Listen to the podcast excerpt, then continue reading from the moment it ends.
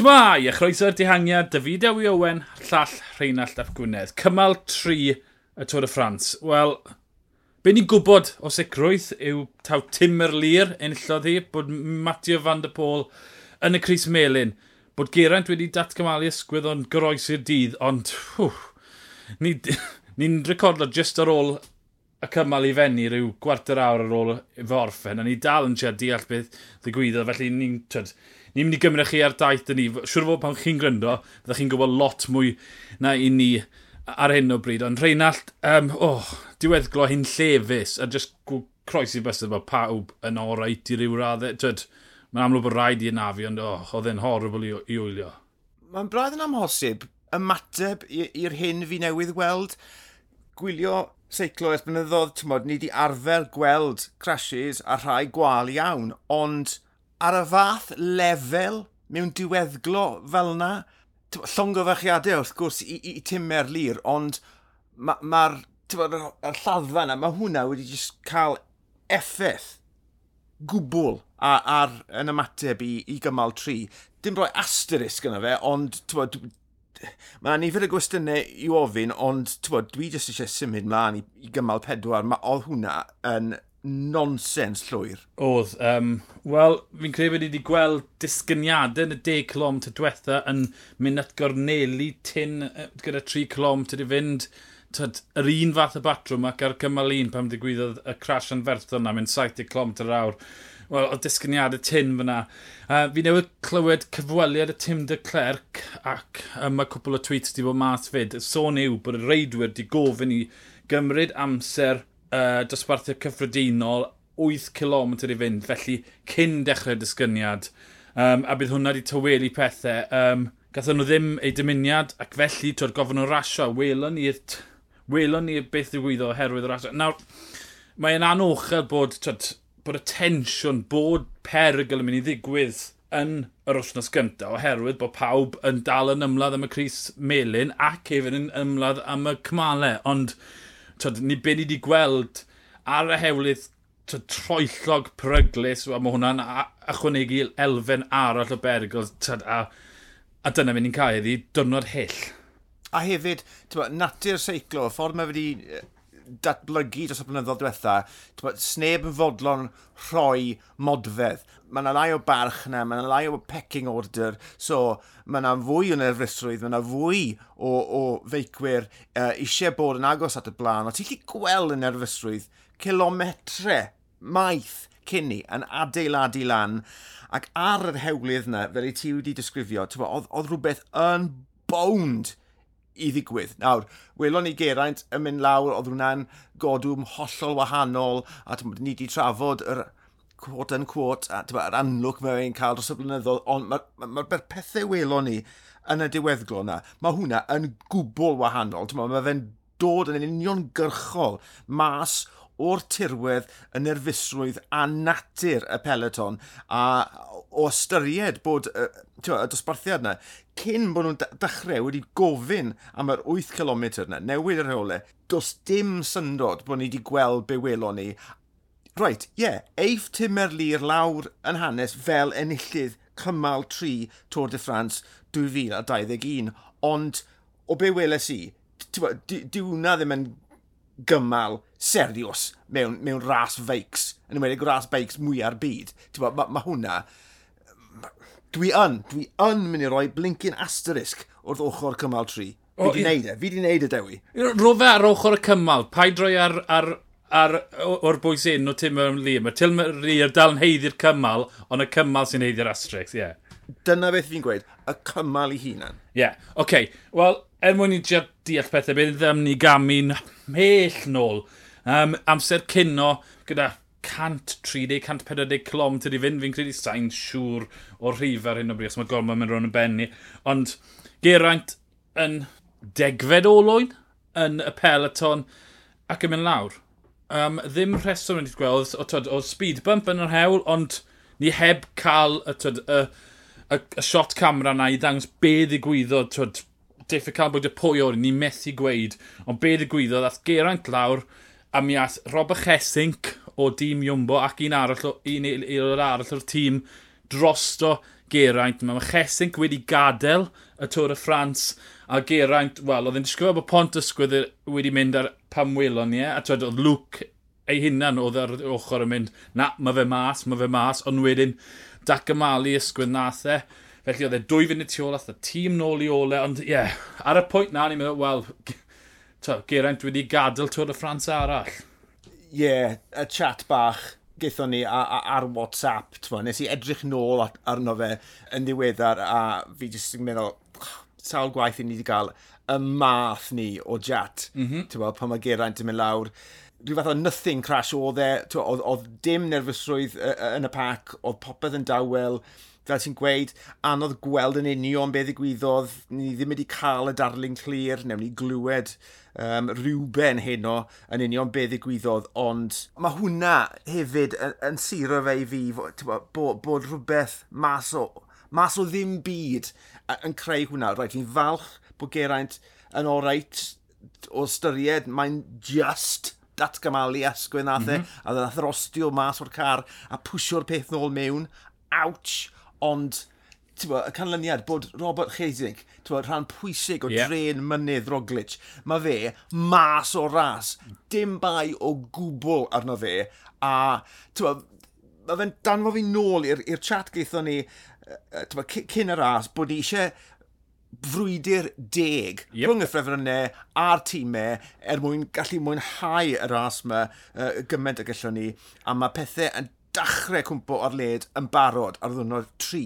Ie, yeah, twyd, dewn ni i'r trefniant ar y diwedd, ond o styried bod e mond i colli rhyw geraint ar y, ar y, yn y diweddglo, mond i colli rhyw hanner munud, twyd, oedd e'n llechi mwy, twyd, hanner ffol awr o pel a twyd, fi'n credu oedd hwnna wedi wneud e'n saffach mewn un ffordd, achos oedd e ddim reit yng Nghrombil y Berw, lle oedd bobl yn ymladd yn gwneud cangymeriadau. Ie, gollodd y hanner munud, ond oedd e mewn lle lot saffach na oedd y gweddill, ie, yeah, bydde wedi cymryd na. Twyd, ystyried fa mor ddi oedd hi, twyd, 140 km i fynd i, mon colli rhyw hanner munud, oedd hwnna'n rhyfeddol. Nawr, y 15 km ola uh, nath, nath greu y problem, um, oedd e'n dawel cyn i, ond wedyn, twyd, fel nes ti sôn um, ychydig munudau ôl, mi welon ni twyd, y tensiwn yn codi ac yn codi. I'r ffasiwn graddau gyda rhyw 20-30 clom ti'n fynd, o ti'n meddwl bod Croeswyntodd yn bwrw?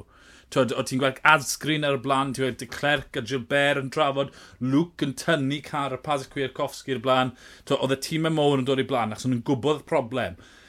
Nid y gwynt oedd e, oedd pawb, twyd, nawr mae dyn ni stori mwy cyflawn o de Clerc yn gweud bod nhw wedi gofyn i niwtral eiddo, oedd pob un o'r ffefrynnau yn gwybod bod perygl yn dod, oedd y tensiwn na'n codi. Da mwyn cyntaf gathon ni, ti at 13 km i fynd fi'n credu, uh, fel ti'n madwas, twyd, a Bruno Amarai o uh, grŵp Haman cwmpo. Ddim yn, twyd, ddim yn ddamwen ofnadw, ond yn rhannu'r peleton yn ddau. A twyd, hwnna'n just yn codi'r tensiwn mwy. Pwy bynnag welodd y damwen na, wedyn moyn dod i'r blaen. A twyd, un peth, twyd, o'n i'n sôn ar y pryd pam ddigwyddodd y damwen na. Twyd, Pogaccia, o'n i'n text yn gilydd. Pogaccia, benni hunan to. Twyd, neb i edrych ar ole A ta, mae, ma e wedi llwyddo goroesi, twyd, heb unrhyw scratch yma, ie, yeah, oedd yn yr ail grŵp ar y diwedd, ond mae bron o fod, y tîm sy'n creu problem, bron o fod ti'n moyn gweud bod hawl ti'n nomineidio dim ond arweinyddion i fynd i'r blaen yn, yn y diweddglo gloffrin, a byddai'n hollol saff wyn, achos nhw'n ti 10-15 greidio, bydde ti? Ie, yeah, fi'n cofio cael y uh, uh, neges WhatsApp nawr wrth ti'n sôn am uh, Pogacar, ond i'n newydd sgrennu fel awr yn y nodiadau i Pogacar ar ei ben ei hun eto nôl at y nerfysrwydd yna, pan math Roglic lawr, mi oedd na gyfnod lle nath y, y, y peleton arafu rhyw dipyn. Reit, oce, okay, oedd yr hewl yn union syth, ond na ddim byd technegol, oedd e cyn y troelli i gychwyn werth eto, mm -hmm. ond wnaethon nhw arafu, ond y broblem oedd, fi'n credu, oedd gweddillion y dehangiad ddim yn fodlon rhoi lan. Mm. So, oedd dim dewis gyda'r peleton, oedd rhaid i nhw gwrso, neu bydde bod, y, y cymal ar ben o ran canlyniad. A bod, un funed o, o pethau'n dawel, a wedyn ni clic o fysedd, boff, ond nhw ar dan, ar garlam unwaith eto. Bonkers, hollol bonkers. Wel, wedi'r wedi dam yn Amadwas, di 5 km fynd, felly pawb mae'n heidio'r blaen. A dde hewlydd cil ar, ar yr eiliad na yn cadw pethau'n weddol saff, ond wedyn dam yn fi wedi ailwylio fe. Fi'n credu beth y gwyddoedd, ath y hewl yn fwy llydan. Am ryw, ryw 200 metr yn beth felly oedd Roglic, oedd rhyw 40 olwyn nôl wedi gweld y cyfle i fynd o amgylch. A ni heb gweld yr hofrennydd unwaith eto. Dim shot dyn ni o'r hofrennydd o'r am fwyaf dy mwyni yma.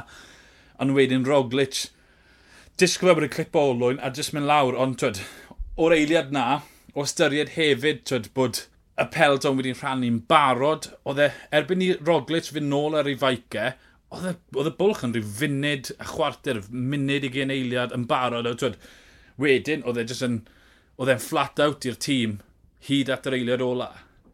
Chwalfa mes llwyr.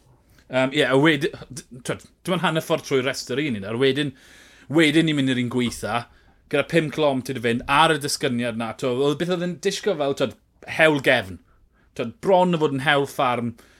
Pelton yn clatio mynd, oedd 60 dal yn y grŵp na, a wedyn damwen ar y gornel 90 gradd, a tyd, cyclist yn hedfan i'r ochr, tyd, Jack Haig yn styc yng nghanol y hewl, a chwarae teg, mae angen edmygu crefft y seiclwyr oedd yn dod, achos tyd, oedd ail grŵp yn rasio ar y pryd na i geisio ail ymuno gyda Roglic ac yn y blaen. Ond, tyd, oedd heig mewn trafferth, methu symud yng nghanol y hewl, a mi, mi lwyddodd y beicwyr i seiclo'r hwnna. Oedd yn rhyfeddol nath nhw lwyddo gadw'n saff yna. Y crash mowr ola yna, na pryd nes i roi lan ar y cymal yma.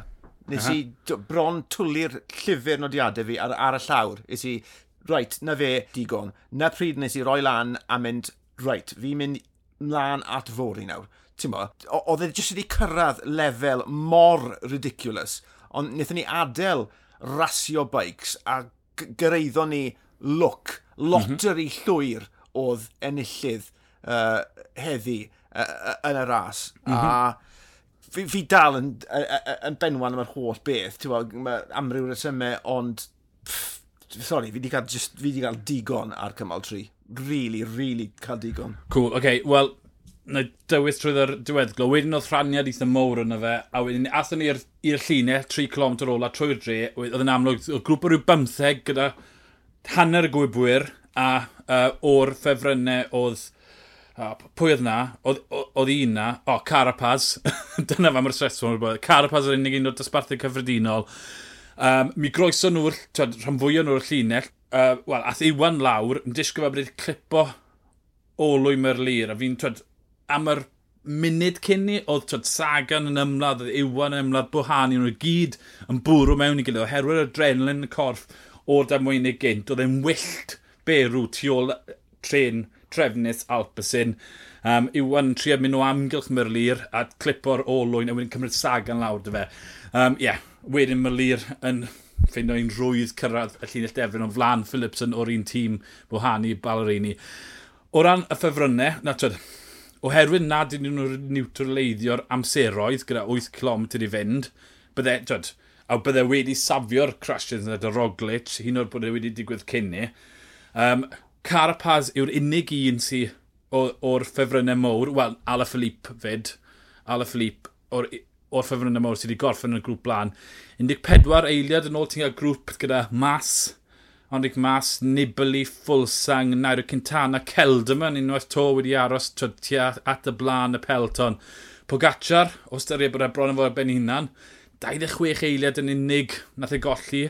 Um, mae hwn o'r grŵp na'n cynnwys boys fel Godw, Wran, um, Geraint yn cwpla mond 26 eiliad yn ôl hwnna'n rhyfeddol o styried dy'r fain mor ddi oedd e'n edrych, fi'n edrych trwy'r rhestr fydyn, fi'n darllen yn fyw. Richie Port yn y grŵp na, Ben O'Connor, Um, wedyn, ti'n mynd bellach nôl, ti'n mynd at munud 21 grŵp cynnwys Falferde, Primoz Roglic, Miguel Angel Lopez, unwaith eto yn colli amser Stefan Kreisfig, a twyd, falle bod yna um, grŵp sy'n yn cynnwys ffefryn ymhellach nôl, ond fi methu gweld nhw ar hyn o bryd, felly, ie. Yeah. Chwalfa, o ran y dosbarthau cyffredinol, Matthew van der Pôl, a arweiniodd, dyna'r dyna tristwch, mi welon ni'r Cris Melin yn arwen twyd, enillydd y cymal mas. Dyle hwnna wedi bod yn rhywbeth i ddathlu, ond mae hwnna holl ar y goll yn y stori. Ala Philippe, wyth eiliad tu ôl, wedyn Carapaz yn dringo i'r drydydd safle 31 eiliad yn ôl. Y wawt fyna at yr un er amser, yn Celdam yn 38, Pogaccia, er gollodd e lot amser, 39 eiliad, ond twyd, dim ond 8 eiliad tu ôl Carapaz. Enric Mas, Cintana, Latour yw 40 eiliad, wedyn mae'r bylchau yn agor mas. Um, yw ran 52 eiliad, Geraint Thomas, 1 munud 7 eiliad, felly to, dim yn drach yn ebys o gwbl os ydych bod y 41 eiliad tu ôl bore yma.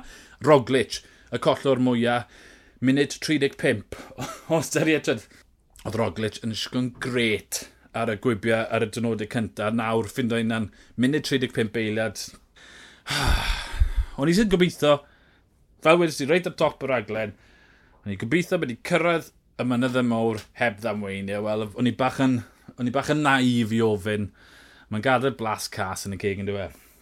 Wel, mae fe'n hynod ar ôl y nonsens na i gyd. Da dim ond 36 eiliad sy'n rhwng Carapaz a Geraint, really. Mm. Um, a hefyd y gofio pa mor wych mae Roglic yn erbyn y cloc bod e ond rhyw 28 eiliad tu ôl i, i Geraint. A fi'n rhagweld gewn ni ddwrnod tawel iawn fori. Mae pobl am ni adferegnu mae reset yn mynd i fod fori, a wedyn ni, pan mae'n dod i gymal 5, right, mae fe'n mynd i fod yn anodd i geraint gyda'r anaf yn yr ysgwydd bod e'n mynd i drial gwasgu hunan mewn i'r safle eithafol na yn erbyn y cloc. Gawn ni weld faint o uh, wellhad gall e gael yn yr ysgwydd na cyn y ras na'n erbyn y cloc, falle geiff hwnna effaith mowr. Roglic to'n ni'n gwybod am yr anafiadau to, ond mae'r ddoi yna yn mynd i rhoi pennel lawr a ceisio i gore, i dynnu amser nôl, i geisio twa, ail seto'r holl beth cyn bod nhw actually yn, yn dechrau dringo. Dwi'n dringo, os o'n i'n agos i'r blincyn dringo to. Gawn ni weld, twa, fi, fi dal yn really, really, really miffed am, am heddi. So, allai ddim meddwl yn glir iawn a, a, am hwn. Fi jyst yn gobeithio uh, ar ran y ddau feiciwr yna, Geraint a uh, Roglic yn enwedig, uh, a gallen nhw dynnu rhywbeth nôl yn erbyn y cloc. Ie, yeah, uh, cyma pedwar, diwrnod rhwyddach, 150 km. Does dim gwyd mawr, felly ie, yeah, um, am unwaith ni'n gobeithio bod dim croes wynta fe bod y reidwyr yn gallu adfer achos twyd, creu bod tri chwarter y pelton di bod ar lawr a ddim oherwydd y tywydd oherwydd yr amodau. Felly ie, gobeithio am y ddwrnod tawel o ran y gwybwyr, wel, um, fi disgwyl ar rhai sydd wedi croesi'r llinell, ond mae Jack Haig mas, mae Robert Chesink mas, dyw Caleb Iwan heb cael amser to, ar, twed, oedd yn gorwedd rhyw 400 metr o llinell, oedd ddim yn disgwyl yn dda, felly byddai'n syni pe basau Caleb Iwan yn dechrau fori. Ie, yeah, jyst yn gobeithio am ddwrnod tawel lle mae'r pelton yn medru adfer a bod dim damweiniau. O edrych ar y, twed, y kilometre o lafori, mae nhw'n disgwyl yn weddol syml. Twed, mewn i'r dre, mewn i ffwge ar y hewl fawr, a wedyn mynd mlaen i hewl fawr arall cyn mynd mewn i'r hewl fawr i'r dre. Felly, ddim dis... Twed, mae yna droiadau 90 gradd, ond dim byd sili. Felly, gobeithio, mi welwn ni twed, peloton lot mwy heddychlon fori um, a bod pawb yn gallu goroesi ag adfer ar gyfer y ras yn ebyn y cloc ar gymal 5. Wel, byddwn ni'n ôl fel yr arfer wedi cymal 4 a ni dau'n byw mewn gobeith bod e'n mynd i fod yn dewel. Ond y fideo i Owen a'r llall Rheinald Ap Gwynedd, ni'r dihangiad, hwyl.